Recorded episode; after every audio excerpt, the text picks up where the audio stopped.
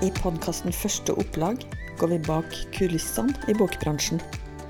Du vil få møte forfattere, redaktører og andre bransjefolk som deler av sin erfaring med å gi ut, markedsføre og selge bøker. Mitt navn er Kristin Overein, og jeg er gründer av Bowlbooks. Vi hjelper forfattere med å gi ut bok på eget forlag.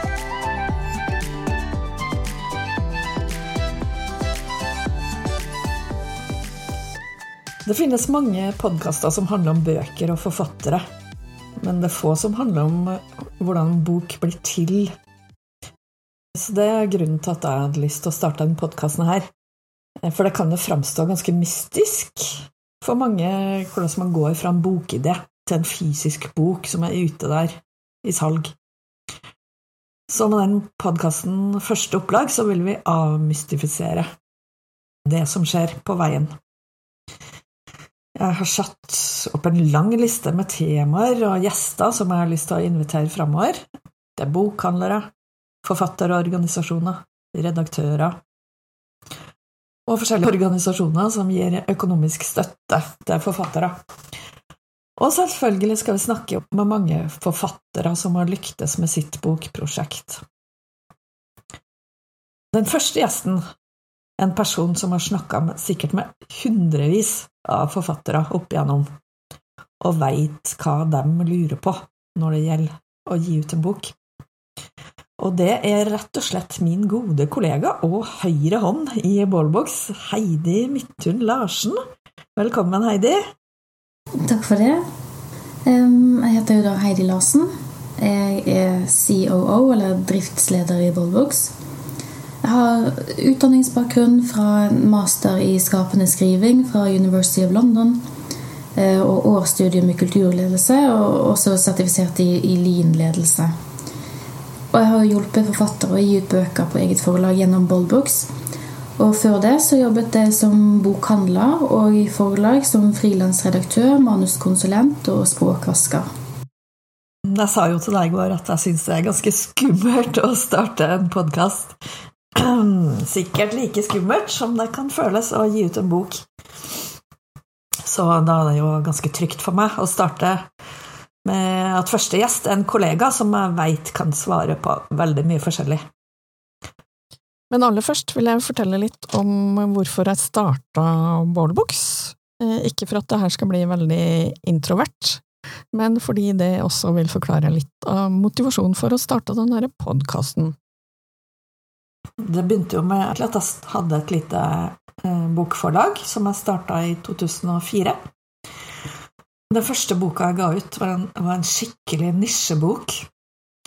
Eh, den handla om tarotkort, av alle ting. Men det som er litt gøy, da, er at en sånn tidløs bok eh, den har solgt i mange år, og den har solgt i flere tusen x.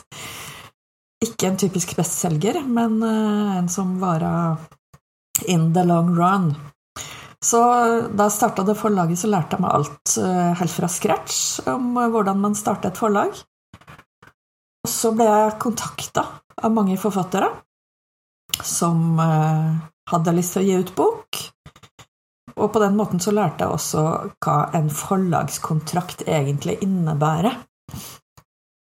At det, den vanlige kontrakten betyr at man må gi fra seg rettighetene til manuset sitt på livstid faktisk.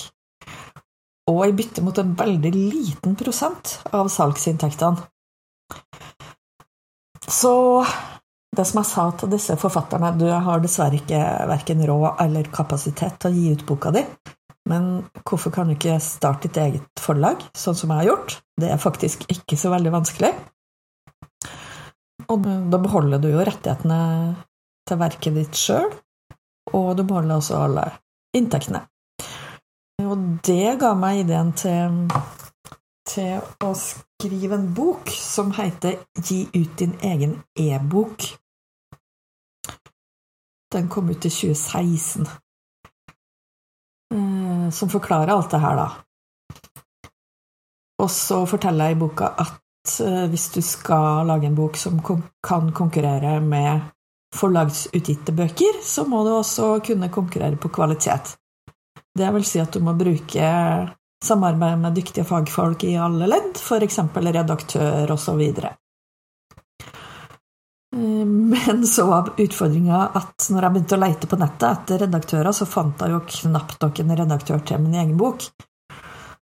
Og det var da den forretningsideen kom, egentlig, at det burde jo finnes et sted eh, hvor du finner alle de fagfolkene som du kan samarbeide med.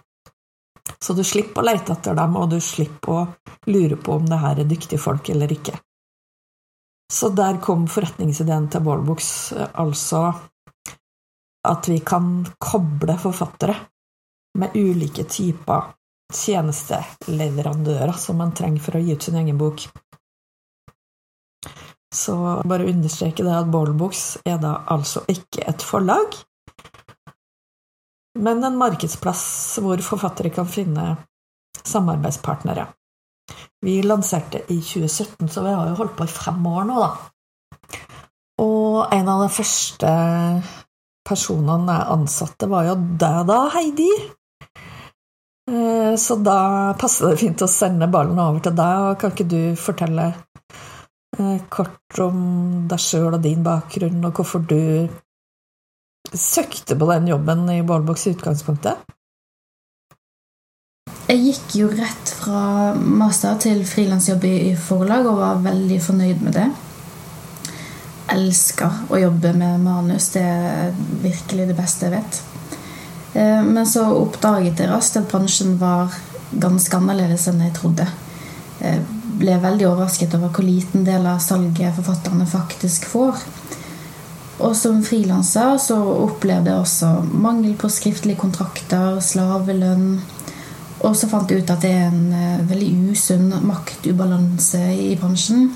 Der de største forlagene egentlig eier hele verdikjeden. Uh, så da jeg fikk jobben i Boldbook, så så jeg på det som en mulighet til å gjøre en positiv forskjell i bransjen. Og sikkert ikke overraskende så var jeg veldig opptatt av at frilanserne våre skulle ha gode, rettferdige vilkår. Uh, da jeg begynte, så var jeg også Eh, leverandøransvarlig og rekruttert og fulgt opp eh, de som eh, jobber hos oss. Og så er jeg veldig opptatt av at forfatterne skal ha sjanser til å tjene penger på arbeidet sitt, fordi kulturell kapital betaler jo ikke regningene. Og I tillegg så syns jeg det er veldig spennende å, å jobbe i en startup og få være med å bygge opp et selskap. Jeg syns forretningsutvikling er veldig spennende, og forhåpentligvis så kan vi jo endre bransjen bitte litt ved at vi eh, gir litt konkurranse til de etablerte.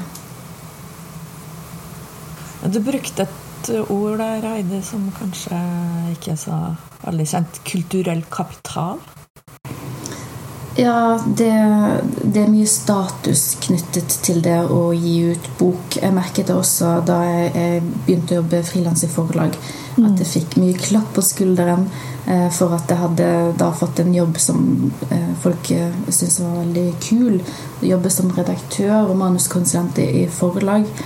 Eh, men det er ikke sikkert folk hadde syntes det var like kult hvis jeg hadde visst hvor lite man tjener på eh, å jobbe frilans med sånne oppdrag. Mm. Og det er sånn forventning om at man skal ta oppdrag eh, til slavelønn, rett og slett. Eh, fordi det er en så ettertraktet jobb, og hvis ikke du vil ha den, så er det en kø av andre folk som vil det. Og sånn er det litt for forfattere også. Det er en forventning om at forfattere skal stille opp gratis på eh, ulike eventer, opplesning av boken, som egentlig er markedsføring av boken, fordi uh, da får man betalt i form av synlighet og status. Eh, men det er jo ikke godt nok. Vi vil jo at de skal få betalt for jobben de gjør. Mange bruker jo årevis på å skrive en bok. Eh, mm. Men det er veldig få som kan leve av å skrive. De aller fleste har en fulltidsjobb eh, ved siden av. Og det er jo det er ikke rettferdig, syns vi. Da bør man i hvert fall få en større del av kaken. Ja. Ja, det forventes at forfattere skal stille opp gratis, som du sier. Og det, det må vi jo si er vår erfaring med de forfatterne som har gitt ut på forlag før, og så i etterkant kommer til oss og vil gi ut sin neste bok. Det de er mest skuffa over, er jo egentlig markedsføringa. Ja, eh, det er flere grunner til at folk eh, velger å gi ut eh, neste bok på, forlag de, nei, på eget forlag, der det er gitt ut på etablerte forlag før. Ehm, for noen så er det et ønske om å tjene mer penger, for de ser at de gjør salg- og markedsjobben sjøl uansett. Det er de som har skrevet boken. De har jobbet med den lenge, og de ønsker å etter hvert kunne tjene mer penger på forfatterskapet sitt og ser etter muligheter for å kutte ned på den dagjobben de har da, og jobbe mer med å skrive. Så for mange er det økonomisk. Eh, for noen så er det et ønske om å ha alle rettighetene fordi eh, boken henger tett sammen med foredrag de har lyst til å holde, eller en bedrift de driver. Og for noen som, som det er mest vanlig i du forbinder indie-musikk, indie-gaming, med at det er lov til å bryte regler, det er innovativt. Og det å gi ut på eget forlag gir deg også den muligheten til å tenke mindre kommersielt og gi ut akkurat det du har lyst til sjøl. Så ha full kunstnerisk frihet og ikke tenke på eh, egentlig salget som kommer etterpå, men bare skrive en så god bok som mulig. Men som du sier, så er den største årsaken til at folk oppgir at nå vil de bryte med forlaget sitt, eller i hvert fall gå for en hybridløsning. Det er en forventning som ikke blir innfridd, om at de skal bli fulgt opp av forlaget, særlig på markedsføringsbiten. Det er forventninger og forhåpninger knyttet til utgivelsen av boken. Du har jobbet med det lenge, kanskje hypet det litt opp, og så blir boken utgitt, og så skjer det ingenting. Da er det helt stille, og så er forlaget opptatt av neste bok som produseres. Eh, og sånn, sånn, må det jo til en viss grad være. Men særlig hvis en bok selger dårlig, så kan et forlag se på det som sunk kost. Og så dropper de det prosjektet og fokuserer på nye bøker. Eller de har et markedsføringsbudsjett, og en veldig stor andel av det går til bestselgerne, og veldig lite til debutanter eller smalere utgivelser. Og det er det mange som opplever som veldig skuffende. Det skjønner vi jo selvfølgelig veldig godt. Så det, mm. det er det folk eh, ja, oppgir som, som, største grunn til at de vil gi ut på eget forlag. I 2017 ble det vel gitt ut over 10 000 bøker i Norge. Og 8008 av de var norske bøker. Så konkurransen er enorm det er ikke sånn at pressen står klar når boken er utgitt, dessverre. Det er en jobb som må gjøres med å skaffe synlighet rundt boken. Ehm, det er lettere hvis de gir ut sakprosa, fordi da er det gjerne knagger du kan henge på til content marketing. Du kan snakke om temaet du snakker om i boken. Ehm, og så kan man få hjelp av en markedsfører til å skaffe den oppmerksomheten. Og skulle det komme dit at at det er full klaff, og, og, du får gode anmeldelser, og kanskje du kommer på God morgen Norge, så har vi da eh, veldig smart og dyktig medietrener Anne Lene Johnsen som kan hjelpe. Eh, vi ber folk være nøkterne når de trykker opp et opplag. Eh, begynn gjerne med 500 bøker, ikke begynn med 2000 før du har sett an hvordan markedet mottar eh, boken. Vi har også en tommelfingerregel på at hvis du har et forhåndssalg, så er det typisk at i det løpet av det første året så selger du ti ganger mer enn det du solgte på forhåndssalget.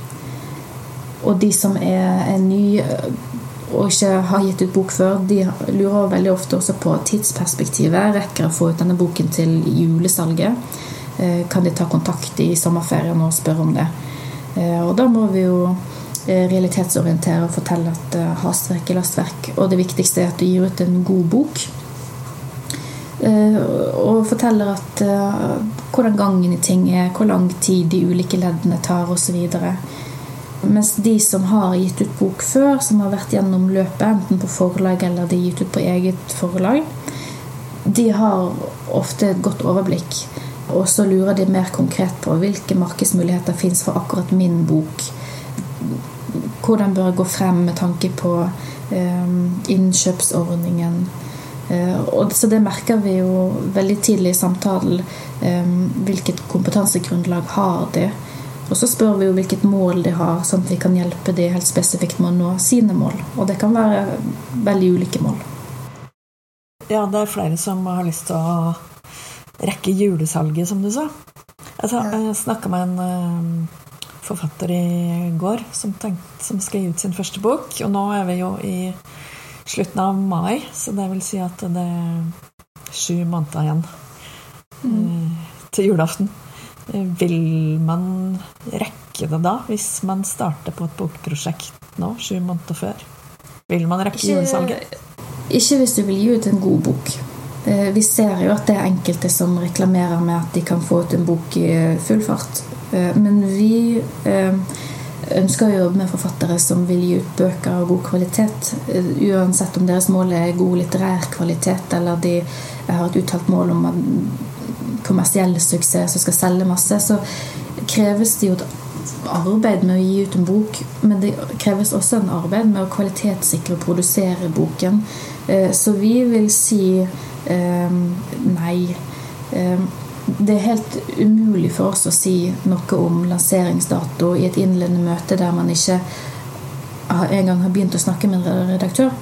Og det er fordi Først må vi jo se manusets status. Vil det kreve veldig mye jobb? hvor mange runder vil du måtte ha med denne redaktøren? Og hvor mye tid har du sjøl til rådighet til å bearbeide manuset etter eh, hver redaktørgjennomgang?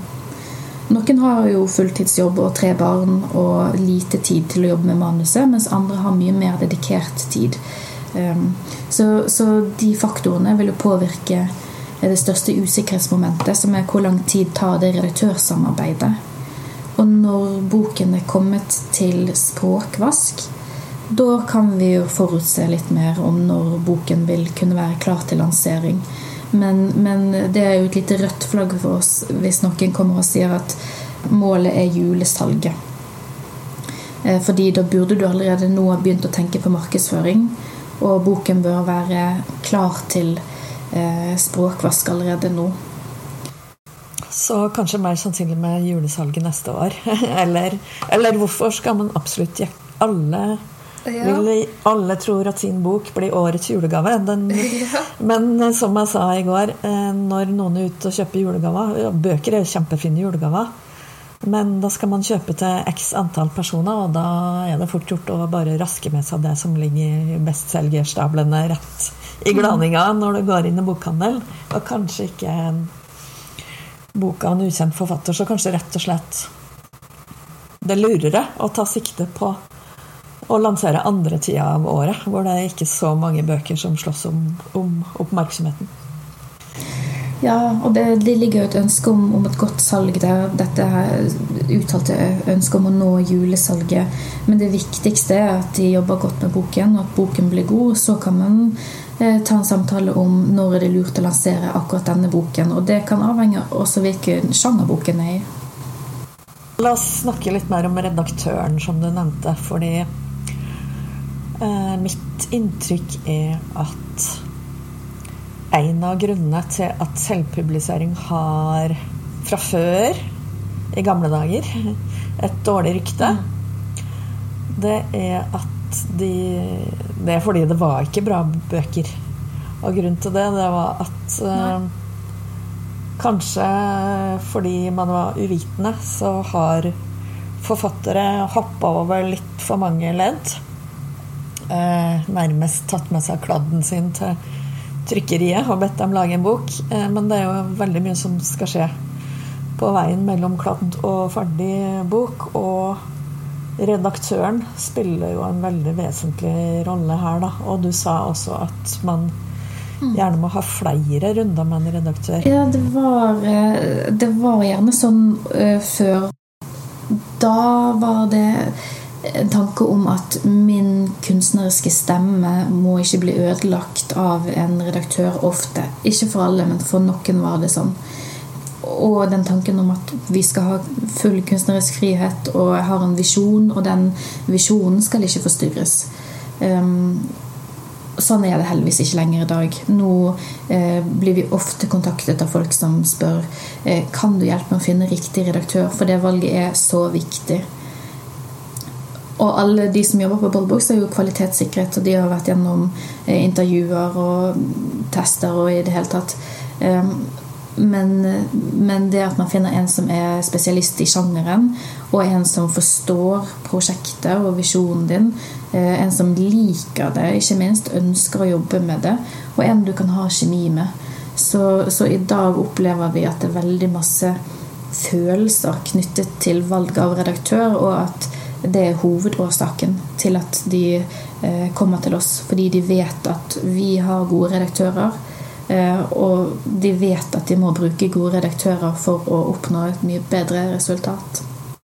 Jeg vil jo tro at det oppleves Ja, du sa det var mye følelser i bildet. Fordi For mange så er det kanskje første gang de viser manuset til noen. da Kanskje de ikke engang ja. har fortalt til vennene sine eller familien sin at de har skrevet på et ja. manus? Ja, det er mange som skriver i smug, og kanskje vet ikke om dette vil bli bok, eller de er redd for prestasjonspress, eller Så ja, det er absolutt mye følelser knyttet til det. Og jeg merket jo sjøl også da jeg var redaktør, og redaktørene hos oss sier det samme, at um, man blir veldig sårbar i møte med redaktør, fordi for mange så er dette manuset så tett knyttet til selve. Eh, det du har produsert, er, eh, det er noe annet enn dagjobben ofte. Selv om alle ønsker å prestere der også, så er dette veldig mye mer personlig for mange. Eh, så det er en kneik, bare det å sende fra seg manuset. Du har noen forhåpninger, du har jobbet med dette et par år kanskje. Håper det ikke var forgjeves. Håper at du skal få det utgitt, bli forfatter. Og så er det en frykt for slakt. Som jo for mange kan være veldig vanskelig, selvfølgelig. Og det er en sånn fortrolighet mellom redaktør og forfatter der du eh, ja, det har nesten ingen grenser for hva vi får, får høre fra folk eh, i det møtet med, med forfatter. Da, da, er de sårbare i utgangspunktet, og da kan de også legge ut om, om alt mulig i privatliv. Og du har så mye tillit da, hos forfatter, og det tar alle redaktører eh, på største alvor. Og eh, alle de som er redd for at 'å nei, tenk om, tenk om dette er dårlig'. Redaktører er også vant til å lese dårlige manus, fordi det er mange bøker som er gitt ut i dag, som er kjempegode, som hadde et dårlig førsteutkast. Men de ser etter potensialet eh, i manuset. Det det de ser etter. er Hvilke styrker er det her som vi kan spille videre på, og hvor bra kan dette manuset bli? Så i dag vil jeg si at forfatterne våre er eh, i veldig stor grad opptatt av redaktør. Ønsker en god redaktør, ønsker en redaktør som forstår manuset, og eh, betaler også gjerne eh, mer for de dyktigste. Eh, de tar kontakt og sier jeg vil ha en streng redaktør, jeg tåler det. Kan du eh, matche meg med en redaktør som er, eh, har, har, bein i nesen, da, selv om det er et uttrykk jeg ikke liker så godt, og, eh, og virkelig kan pushe meg? Men, men så lenge man faktisk betaler redaktøren, mm. kan man da være sikker på at man ikke ender opp med å gi ut en bok som ikke er noe bra. Fordi redaktøren vil jo gjerne ha penger, sikkert, og ja, jobbe med alle typer manus, enten de er gode eller dårlige. Det er noen som, som, lurer på det, men for det første må jeg si at du betaler for redaktøren uansett hvordan du gir ut en bok. Eh, også når du gir ut på etablert forlag, så betaler du i den forstand at du gir fra deg 85% av inntektene og alle rettighetene. Så det er jo i aller høyeste grad å betale for eh, utgivelsen, det også, vil jeg si. Eh, og så er jo våre redaktører De har så mye yrkesstolthet. Og hele deres karriere eh, baserer jo seg på hva de presterer som redaktører. De er jo ikke interessert i å, å ha sitt navn stående på en bok som er elendig. Eh, så, så, det kan de være klar over. Og dessverre så er det jo noen hos oss også som får slakt. Eh, det er en god ting. Så redaktører fungerer som en eh, ikke gatekeeper i den forstand, men eh, har du et manus som ikke er livlaga, så vil du få høre det. Men på en konstruktiv, høflig måte. ellers, eh, hva andre ting er det folk lurer på i et sånn rådgivningsmøte, bortsett fra redaktør? Det, det er dette tidsperspektivet, da, eh, som vi allerede har vært litt eh, innom. Og ellers så har de spørsmål om eh, innkjøpsordningen ofte. Og eh, bokhandel, distribusjon og salg. Eh, og helt konkret så spør folk eh, Har jeg sjanse til å bli kjøpt inn gjennom innkjøpsordningen når jeg gir ut på eget forlag? Og ja, det har du. Vi har flere forfattere som er innkjøpt gjennom innkjøpsordningen. Og på Kulturrådets egen nettside så står det nå at Formålet med den selektive innkjøpsordningen er at det skal bli skapt, utgitt, spredt og lest ny norsk litteratur. Gjennom ordningen så tilrettelegges det for at nye utgivere bidrar til det litterære mangfoldet i folkebibliotek, ved at forlag eller selv publisister under etablering kan få sine titler vurdert og kjøpt inn. Så det er både et uttalt en mulighet, men vi ser også i praksis at ja visst kan du bli innkjøpt gjennom innkjøpsordningen til Kulturrådet.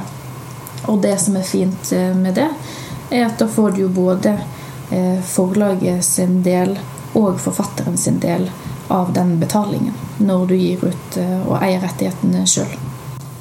Så det, ja, det lurer folk på. Så lurer de på fælt på dette her med eh, hvordan får bøkene inn i nettbokhandlene.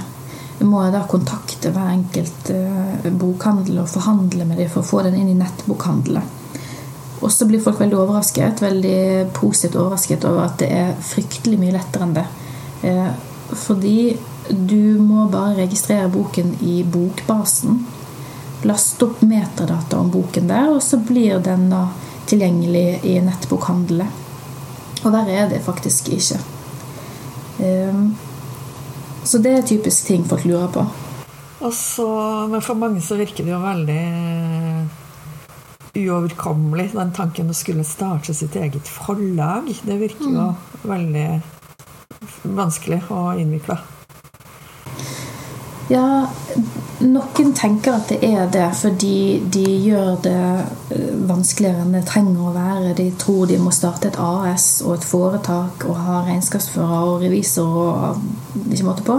Eh, men det er veldig mye lettere enn folk tror. Eh, for det eneste du trenger egentlig, er et enkeltpersonsforetak og da et kontonummer. Et ISBN-nummer og åpenbart en bok som da helst bør være god. Eh, enkeltpersonsforetak det får du jo i Brønnøysundregisteret. Det er gratis, og det er ganske fort gjort å få. ISBN-nummer får du på nasjonalbiblioteket.no. Det er også gratis og ganske fort gjort å få.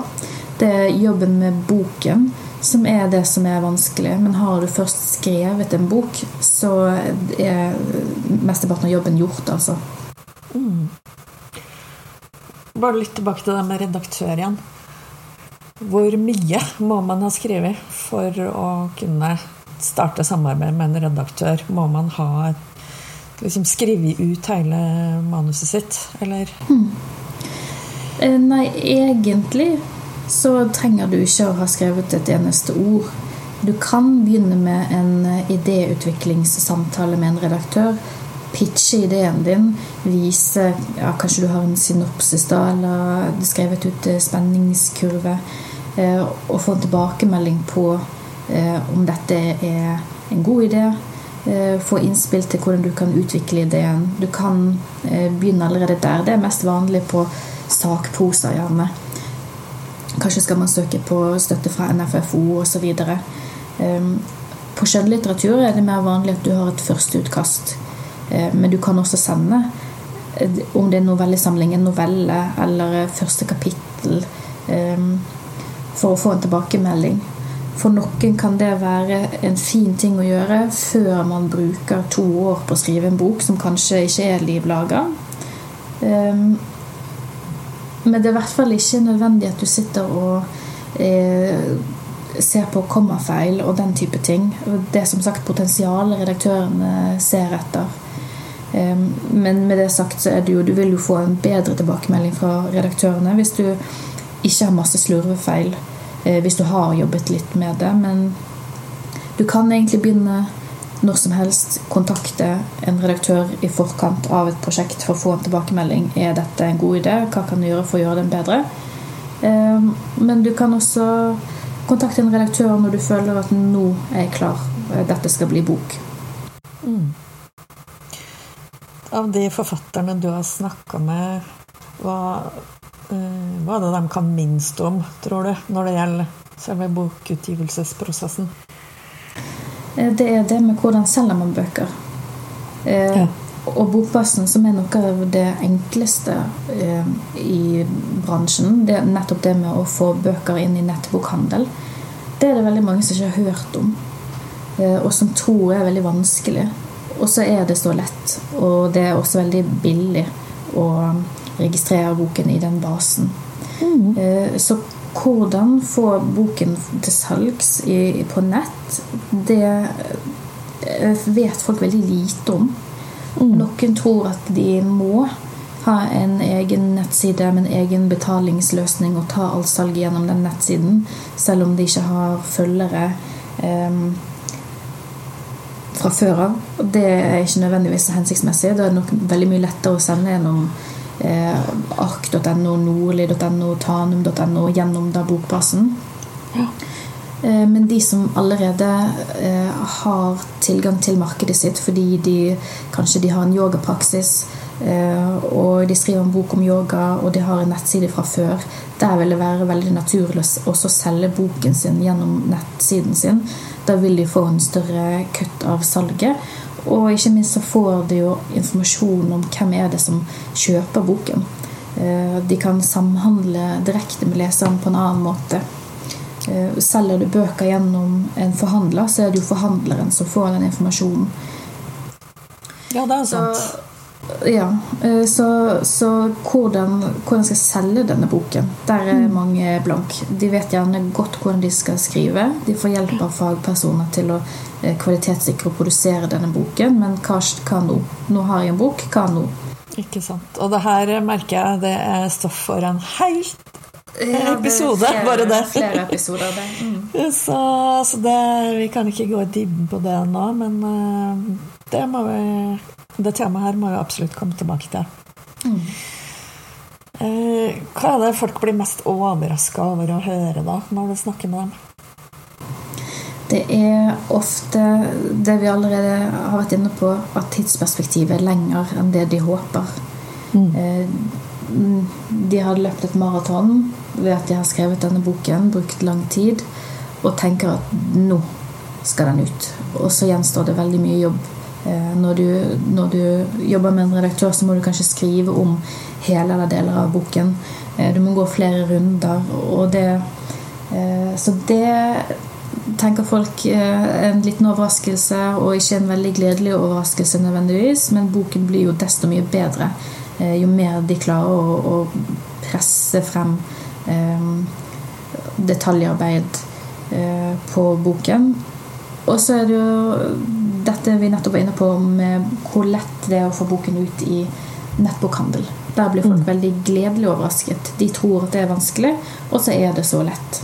Ja. Og det er jo så viktig at den første boka blir vellykka. Eller at den blir så bra som du bare kan få den, da. Fordi det er jo det mm. som legger grunnlaget for hele resten av forfatterskapet ditt. Ja. Så hvis du gir ut noe som du i ettertid skammer deg over, så, så er det veldig vanskelig å bevise på bok nummer øh, to, da. At du faktisk kan det her. Ja, og så kan det hende du sjøl mister motet. Mm.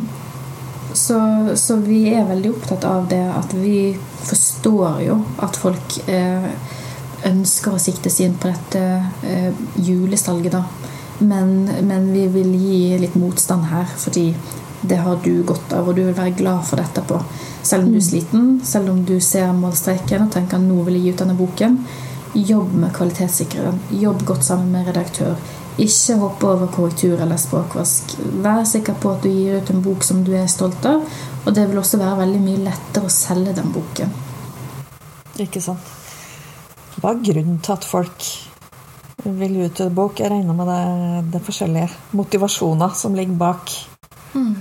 Er det noen uh, gjengangere der? Ja, det er jo det. Det er Det er egentlig to ulike årsaker, og den ene hovedårsaken er skapertrang.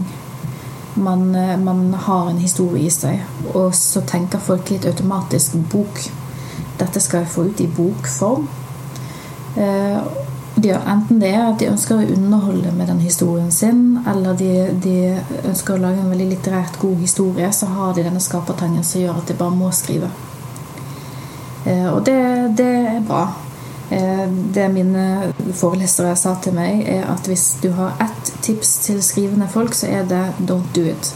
Eh, hvis du kan la være, ikke skriv. Så, og, så hvis du har den skapertrangen, så er det et kjempegodt utgangspunkt. Mm. Og det, de som skriver skjønnlitterært, har ofte den skapertrangen og det ønsket om å formidle en historie. Og så er det den andre hovedårsaken, og det er ønsket om å formidle kunnskap. Eh, du er kanskje en fagekspert på ditt område og ønsker å etterlate deg den kunnskapen, dele den med andre. Og tenker automatisk bokform. Eh, kanskje holder du allerede kurs og foredrag, eller du ønsker å holde kurs og foredrag og bruker boken som et springbrett til å få til det. Ehm, men så det er enten som skaper trang eller ønske om kunnskapsformidling. Og, og innunder der så er det masse ulike mål folk har. Noen ser jo nok på den kulturelle kapitalen som veldig attraktiv, at de ønsker å bli forfatter. Ehm, mens andre ønsker å bli fagekspert. Noen ønsker å tjene penger på å, å, gi ut denne boken. Enten det er gjennom boken i seg sjøl, eller at nå skal de få flere kunder til bedriftene sine. Um, men det er også mange som sier at denne boken skal jeg ikke tjene penger på. Nå skal jeg bare dele. Uh, kan hende de er i ferd med å gå av med pensjon, og de har masse kunnskap som de ønsker å etterlate seg. Um, kanskje til og med skal de gi bort denne boken gratis. Så, så det, er, det, er, veldig mange ulike mål og, og motivasjoner.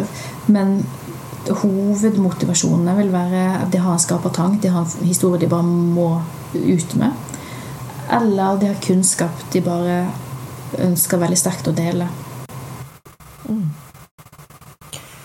Vi må begynne å avrunde snart her, vi nå, men um kan du si noe om hva slags type folk er det som har lyst til å gi ut sin egen bok? Hva slags bø type bøker skriver de? Ja, eh, det er jo veldig, veldig ulike typer folk. Eh, men vi Jeg kan jo bare svare på de som gir ut hos oss, da. Men vi har vel tre ulike typer folk. Og det ene er disse sakprosaforfatterne Eh, som er voksne damer og menn som har en kompetanse, gjerne høyere utdannelse og kanskje har det i egen bedrift, som ønsker å formidle kunnskap i bokform. Eh, og så har vi litt yngre, hovedsakelig damer, som eh, skriver litterært. Som har bakgrunn fra forlag, eller de har litterær utdannelse. Eh, det er de som er kanskje aller mest idealistiske, idealistisk, og, og, som bare har et veldig sterkt eh, ønske om å gi ut en bok som er så god som overhodet mulig, og gjerne litt eksperimentell. Og det er vel kanskje de du ser på som sånn typiske indies, hvis du sammenligner det med eh, musikkbransjen. Mm. Eh, og så har vi igjen en overvekt av damer, litt eldre, kanskje 50 pluss, som eh, skriver eh, romantikk eller krim. Eh, og som ikke har noe bakgrunn fra forlag, eller de har aldri skrevet, ut, skrevet bøker før. De er debutanter. Og det er ofte underholdningsverdien de setter høyest, da. Mm. Eh, vi har kunstnere som dokumenterer bøkene sine i bokform. Vi har eh, folk som skriver om overgangsalder. Vi har, eh, vi har bistått på alle mulige bøker med alle mulige typer mennesker. Og det er jo en av de tingene som gjør at det er veldig spennende å jobbe i Borbooks. Mm. Du har nevnt musikkbransjen og ordet indie. indie er jo kort for independent, altså uavhengig. Og i musikkbransjen så har det jo blitt mer og mer vanlig å for artister å starte sin egen label. Og frigjøre seg fra de store plateselskapene. Og det heier vi på og syns er kult. Og det samme innenfor ja. andre kulturbransjer som som film og spill. Altså indie-film og indie-spill har vi hørt om. Men altså innenfor bokbransjen og litteratur, der eh, henger vi litt etter. Mm. Ja, og det, jeg tenker at det er to grunner til det. Og Det ene er jo at det er store markedskrefter som har interesse av at folk forblir på forlagene. Men det er jo ikke til å stikke under en stol at det har også med eh, kvaliteten på de bøkene som ble gitt ut å gjøre. Eh, den var jo, som vi har vært inne på, dårligere før. Eh, og når internett kom, og det var ulike selskaper som gjorde det lett for deg å bare trykke 'publiser' rett fra skriveprogrammet, eh, så vil jo naturligvis produktet bli dårlig. Og mm. det vil jo ikke gode forfattere bli assosiert med. Men nå er det jo heldigvis en endring der. Både ved at eh, de som velger å gi ut på eget forlag og starte et eget label, ser at Eh, de har tilgang til de samme redaktørene som på forlag. De kan bli like bra. De kan trykke bøkene på samme trykkeri og lage lydbok på samme studio osv. Da vil bøkene bli mye bedre. Eh, men, men, også fordi det er flere og flere dyktige forfattere som velger å gi ut på eget forlag. Eh, som bidrar til at, ja, at det er en endring i den bransjen, rett og slett. Eh, og i Tyskland så er jo 50% av bøkene som blir gitt ut, eh, gitt ut på, på, eget forlag, mens 50 er gitt ut på etablerte forlag. Eh, så vi håper og tror jo at det vil skje en endring her i Norge også, der det ser jo ut som flere og flere ønsker å gi ut på eget forlag. Og det, det er vi jo glad for. Mm. Og det er jo målet med denne podkasten. Å hjelpe flere forfattere til å skjønne at det her kan du fint gjøre sjøl. Du kan bruke de samme fagpersonene som eh, forlagene gjør. Og du kan beholde rettighetene til verket ditt og alle inntektene. Og vi skal gå i dybden senere episoder på masse av de tingene som vi bare sveipa fort over i dag. Og så må du som hører på, veldig gjerne sende inn spørsmål og, som du har lyst til at vi skal svare på, og gjerne forslag til gjester som jeg kan intervjue seinere òg. Da bare send en mail til kristin at boldbooks.no.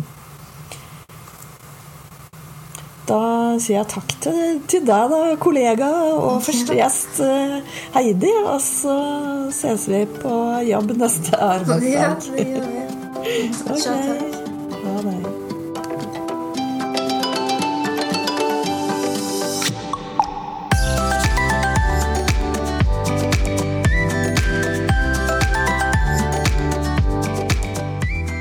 Du har hørt en episode av Første opplag en podkast produsert av Bowlbooks.